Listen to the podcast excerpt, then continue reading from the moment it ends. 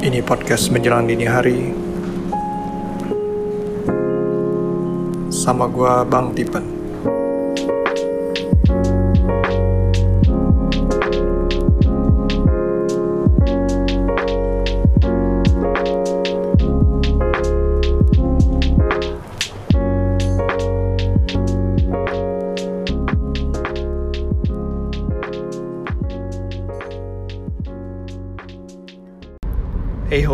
lagi sama gue Bang Tipen di podcast menjelang dini hari. Topik hari ini bakal agak panjang jadi gue langsung ke inti cerita aja ya. Apple akhirnya minggu lalu berhasil uh, mendapat bukan penghargaan mendapat posisi sebagai perusahaan bernilai satu triliun dolar pertama uh, di kalau nggak di dunia ya di Amerika doang tapi setahu gue itu nilai yang sangat besar. Jadi itu kayaknya satu nilai uh, perusahaan bernilai satu triliun pertama di dunia. Dan itu um, merupakan pencapaian yang sangat-sangat besar buat uh, Apple sendiri ya. Yang tadinya banyak pengaman ekonomi itu kayak bersaing gitu uh, saling bertaruh gitu ya. Siapa duluan yang bakal mencapai satu triliun? Apakah itu Apple atau Amazon?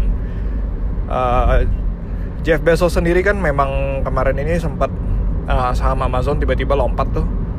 Dan beberapa service dia juga surplus seperti AWS ya Amazon Web Service. Jadi tiba-tiba si Jeff Bezos langsung uh, mendapat predikat orang terkaya di dunia melompati Bill Gates. Itu gila sih uh, karena ini perusahaan pertama kali perusahaan teknologi itu yang yang nggak bisa ngelewatin Bill Gates uh, yang selama ini udah didominasi sama Bill Gates dengan Microsoftnya ya. Anyway, we're not here to talk about Amazon, so here goes about Apple. And why Apple bisa uh, mencapai ke titik itu gitu? Itu nggak lain lagi karena uh, performance dari si Tim Cook sebagai CEO. What Tim Cook? Banyak orang yang bakal bilang apa jasa Tim Cook buat Apple gitu. Tim Cook itu nggak menginovasi apa pun buat Apple dan kayak banyak kan banyak produk juga yang kayak kelihatan kayak flop ya seperti HomePod yang masih belum jelas dan uh, Apple Watch yang juga masih tractionnya gitu-gitu aja. Tunggu dulu. Tim Cook itu mempunyai role yang sangat besar sebenarnya di Apple. Cuman itu role yang kalian nggak akan mengetahui. Uh, Oke. Okay. Sebelumnya dengerin beberapa rehat dulu ya. Hey, seperti yang gue pernah bilang kalau gue ada jualan second hand item gue yang bisa dicek di Tokopedia, URL-nya di www.tokopedia.com slash bangtipen. Nah, di situ nanti ada koleksi-koleksi pribadi gue, di mana kalian lihat, mungkin kalian kalau ada cocok, uh, bisa bisa ya lihat-lihat dulu lah ya. um, buat khusus buat pendengar podcast ini gue kasih harga khusus uh, ada diskon khusus yaitu potongan 10% uh, cuman syaratnya tinggal pertama harus kasih tahu gue tentunya kalau kalian tahu dari podcast lalu let me know episode favorit kalian yang mana sih dan kasih gue pendapat kenapa gitu itu jadi favorit oke okay? Paling gitu aja. Oke okay, back to the show. Jadi recap story ini pun gue denger dari Cultcast itu eh, dia ada blog Apple namanya Cult of Mac cultofmac.com yang mereka punya podcastnya. Namanya Cultcast yang gue sangat suka buat dengerin dan itu um, karena mungkin gue juga pencinta produk Apple tapi gue nggak menutup diri sama produk-produk lain. Gue udah pernah nyobain Android phones uh, beberapa bahkan uh, sempat ngantri Galaxy Tab zaman dulu baru keluar. Terus punya Samsung S3 dan kemarin nyobain Xiaomi Mi A1 so you know my track record. Terus pernah beli Lumia phone juga pernah punya BlackBerry juga. Jadi uh, gue punya wide range of uh, apa knowledge di ya antara itu berdua lah antara platform-platform uh, lain. So gue nggak bener-bener I ship ya. I, even though I I can acknowledge I'm a proud I ship gitu. I ship.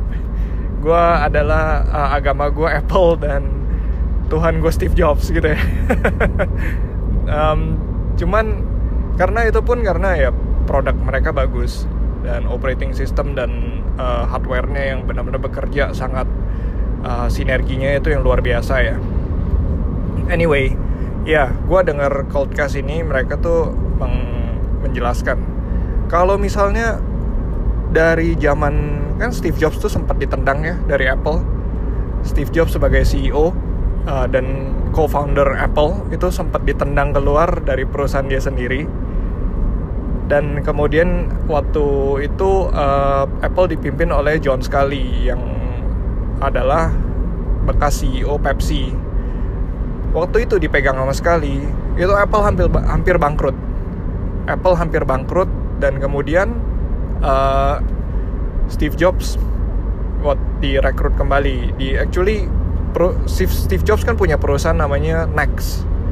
Dia punya perusahaan Next ini lalu Apple membeli Next supaya bisa dapetin Steve Jobs balik.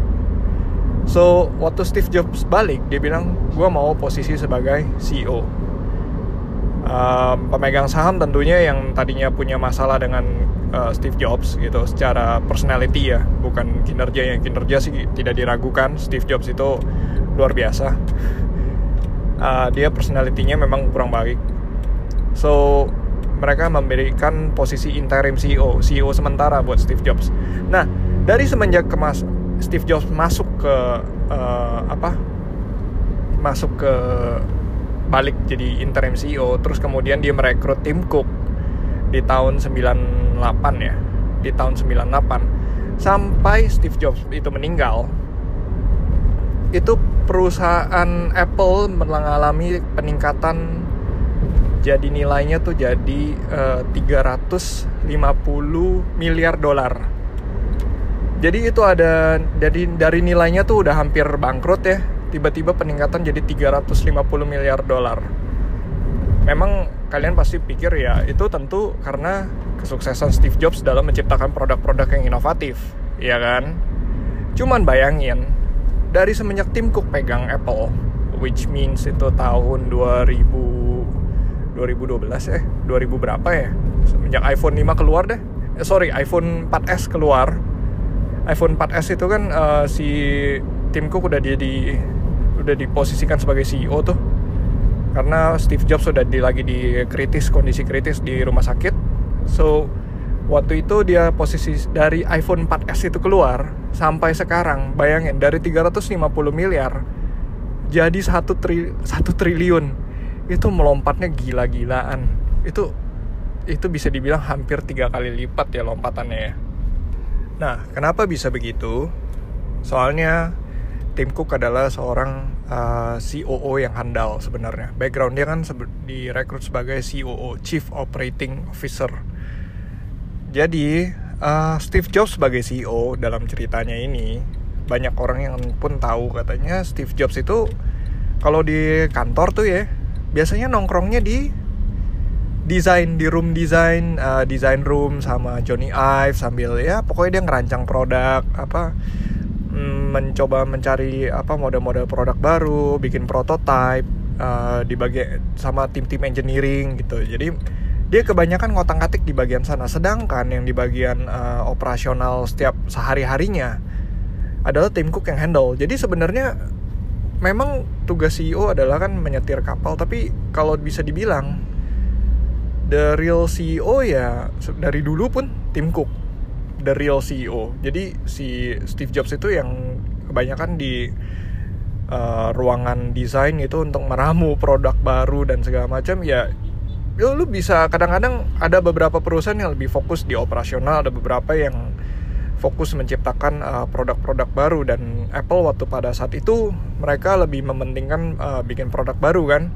Makanya Steve Jobs dibilang sebagai seorang figur yang inovatif nah tapi backgroundnya Tim Cook yang sebagai seorang COO yang super hebat ini dia tuh bisa memastikan uh, kapan produknya bisa di deliver dan juga tentunya efisiensi kerja. Jadi bagaimana ber, ya, dia bisa memperhitungkan kapan um, karena Apple itu barang-barangnya kan semua walaupun didesain di Amerika tapi kan parts-partsnya itu ada yang dari Samsung dari Korea dari China. Sekarang sih kayak kebanyakan dari China ya tapi bayangin zaman waktu awal-awal tuh ada yang dari Korea dari China dari uh, Taiwan dan mungkin beberapa negara lain yang kita kurang tahu ya. Itu gimana caranya untuk semua parts itu bisa tiba di lokasi assembly itu juga di China. Dan kemudian setelah assembly itu di deliver balik ke uh, Apple Store. Jadi ketika launch date di Apple Store itu hampir semua ada. Nggak ada ceritanya kayak waktu launch date itu barang nggak ada barang kosong. Itu kan kayak uh, you miss the big opportunity. Apalagi waktu di zaman Steve Jobs setelah dia ngasih presentasi yang uh, wow itu. Kemudian lu cari barangnya nggak ada kan pointless gitu akhirnya. You, you just lost the hype. Itu lost opportunity. Makanya tugasnya si Tim Cook waktu itu adalah untuk memastikan um, semua operasional itu berjalan precisely uh, dengan efficiently juga on time. Itu yang makanya uh, bisa dibilang dia kayak yang perusahaan Apple itu running karena dia so by the time dia take over kenapa yang tadinya ada uh, warna-warna beberapa warna tuh kalau nggak salah dia kan ada tadinya Apple pakainya hitam kan tadinya jadi karena hitam itu sempat dibilang sama Tim Cook tuh tahu susahnya untuk bikin warna hitam di di aluminium atau gimana, makanya dia bikin space gray. Supaya apa? Space gray itu supaya dia uh, waktu produksi itu nggak mengalami terlalu banyak kendala. Makanya uh, ya gitu deh. Akhirnya biar produksinya lebih cepat, produksi lebih cepat, lebih efisien dan bisa deliver dan yeah, well apparently a lot of people love that gitu kan? So that's why Apple juga bisa jadi one trillion company. Dan juga dengan tim Cook yang sekarang ini sepertinya dia lebih ngarah uh, mengarahkan Apple itu ke service company ya. Karena coba dilihat deh dia uh, Apple punya revenue dia udah mulai nggak bis nggak cuman ngandelin dari hardware. Kalau dulu Apple full ngandelin hardware. Um, dia kayak penjualan uh, iPod sorry iPodnya dan Macintosh dan segala macam hardwarenya dia lah. Nah sekarang kalau dilihat dari revenue-nya udah udah ada peningkatan di bagian service uh, Apple Music, Apple Pay dan juga iCloud ya dari sana sebenarnya tim Cook itu mulai mencoba untuk membuat sebuah ekosistem nah ini ekosistem ini model ekosistem ini akhirnya diikutin oleh uh, kompetitornya seperti Google dan Microsoft yang mulai kayak nyoba-nyoba menarik orang buat gabung ke ekosistem mereka. Ba soalnya by the time you got lock, oh iya, gue lupa sama satu hal yang paling revenue paling besar itu adalah App Store. itu gila men. I mean uh, di, di banyak banyak survei aja tuh udah bilang kenapa banyak developer tuh lebih memilih untuk bikin platform, bikin application di App Store dulu dibandingkan di uh, Google Play Store ya. Karena daya beli orang-orang di App Store itu lebih besar. Juga nggak um, cuma daya belinya, mereka benar-benar membeli gitu. Dan dengan lockdown sistem apa model OS yang lock gitu dari Apple kan susah buat nyari bajakan kan? Bukan susah ya bisa sih dengan jailbreak tapi jarang lah ada orang yang jailbreak. Mungkin hanya sekian persen dari total pengguna uh, iOS devices. Nah sedangkan di Android ya lu bisa download APK kan di luar sana ya makanya banyak virus banyak tiba-tiba muncul pop-up segala macam ya itu buat demi mendapatkan aplikasi gratis tapi karena banyak yang nggak ngerti dibilang gratis so ya well ya gitu deh. Makanya di Android sendiri banyak freemium. Google Play Store banyak aplikasi freemium model dibandingkan uh, di App Store. Kadang-kadang bahkan di Google Play Store gratis di App Store bayar. Karena itu tujuannya. So um, ya balik lagi mengenai ekosistem. Dengan strategi Apple yang baru ini di tangan Tim Cook uh, mulai mencoba untuk melockdown orang dalam ekosistem Apple. Makanya kenapa tadinya kan upgrade software itu upgrade OS sorry. Update OS itu harus bayar ya. Terus tiba-tiba di komputer dia dengan Mac gitu Mac OS sekarang update free update. Buat semua supporting devices. Gila itu kan kayak suatu hal yang super baru gitu di mana zaman dulu kita harus beli kan. Kalau misalnya mau update dari Windows uh, anggaplah Windows 7 ke Windows 10 Windows 7 ke 8 aja kan beli. 8 ke 10 aja sempat gratis sih cuman sekarang kan juga harus beli. Um, sedangkan untuk uh, macOS tuh udah udah free karena mereka udah mulai yang penting gue ikat lu di dalam ekosistem seperti penggunaan uh, Apple Photos, Apple, uh, iTunes, App Store dan segala macam setelah lu beli dan lu udah keikat di iCloud-nya dia udah lu malas ke mana-mana. Jujur kayak gue gitu udah malas ke mana-mana. Uh, gue lihat Android di handphone Android itu keren-keren. Cuman satu OS-nya gue nggak gitu suka karena dia pakai Android OS-nya gue nggak suka. Dan kedua ya itu gue udah di lockdown di ekosistem Apple yang gue udah terlalu nyaman di dalam. PW banget kayak mau nyari apa oh caranya begini. Dan memang walaupun ada beberapa aplikasi Apple di luar uh, ekosistem Apple seperti contohnya iCloud kan ada di Windows. Terus um, apa sorry namanya apa? Apple Music ada di Android kan? Tapi itu clunky. Bener-bener cara makainya tuh nggak um, enak. Jadi gue sangat mengerti kenapa pengguna Android hampir semua pasti pakainya Spotify daripada Apple Music karena itu nggak enak pakai Apple Music di Android. Juga untuk uh, iCloud on Windows itu aduh nggak enak banget deh kayak apa sih ini gitu walaupun jadi gue pengen ya walaupun I'm selling my MacBook Air right now gitu kan tapi ya gue bercita-cita untuk mempunyai satu MacBook Pro lagi nantinya. So ya yeah, I think that's it. Itu alasan kenapa Apple bisa reach one trillion dollar company sih. Itu sebenarnya orang kirain mengira itu kayak oh ya itu Steve Jobs. Asal tahu aja iPod aja waktu baru launch itu nggak sengeboom itu gitu. Itu gitu. Double double apa double word double say double post kalau kata orang. Jadi iPod waktu pertama kali launch itu juga nggak ngalamin traction ya karena modelnya juga uh, jelek dan dua terlalu mahal. Walaupun dia ngincar lifestyle uh, banyak orang yang kayak wah gembar-gembor gitu iPod. Tapi iPod itu baru mulai ngeboom kayaknya di generasi gue sendiri beli iPod di Gen 4 waktu itu. So generasi 4 itu termasuk iPod yang udah lebih minimalis lagi lebih keren lagi. Um, dan mulai meledak kayaknya semenjak ada iPod iPod bukan iPod mini ya iPod nano ya. Yang warna-warni tuh yang udah mulai agak murah tuh iPod meledak banget um, mungkin itu akan terjadi sama Apple Watch. Yang banyak orang merasa sih begitu. Apple Watch kan sekarang baru series 3 nih. Series 3 itu udah jauh lebih baik daripada series 1 dan um, sangat performnya juga bagus dan uh, tampilannya seperti biasa juga bagus. Diharapkan sih dengan perkembangan Apple Watch berikutnya. Karena sekarang wearables kan juga masih belum jelas ya.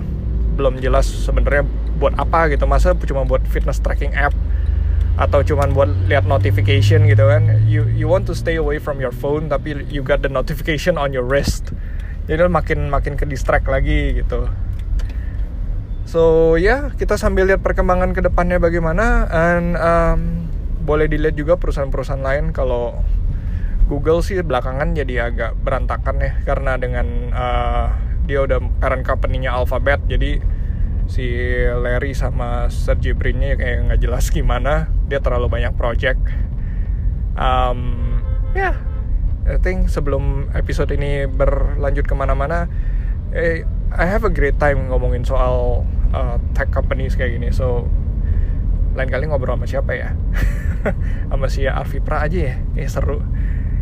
Okay, so um, talk to you guys later. Okay, bye bye. Hey, podcast listener, thank you for listening and thank you for giving me your attention. Kalau mau reach gue bisa di Twitter @bangtipan atau di Instagram juga bisa di @podcastmdh. Uh, kalian bisa dengerin podcast gue sebenarnya di berbagai platform ya, um, Castbox, uh, Overcast, Apple Podcast, Google Podcast, cuman Spotify ini yang belum masuk. Uh, gue juga pindah ke pindah hosting ke Anchor, jadi harusnya sebentar lagi masuk ke Spotify. I'll let you know. Kalau menurut lu podcast gue itu menarik dan bisa di-share, tolong bantu gue untuk uh, menyebarluaskan podcast gue ini. Tolong di-share ke teman-teman dan keluarga. Uh, it will be very helpful.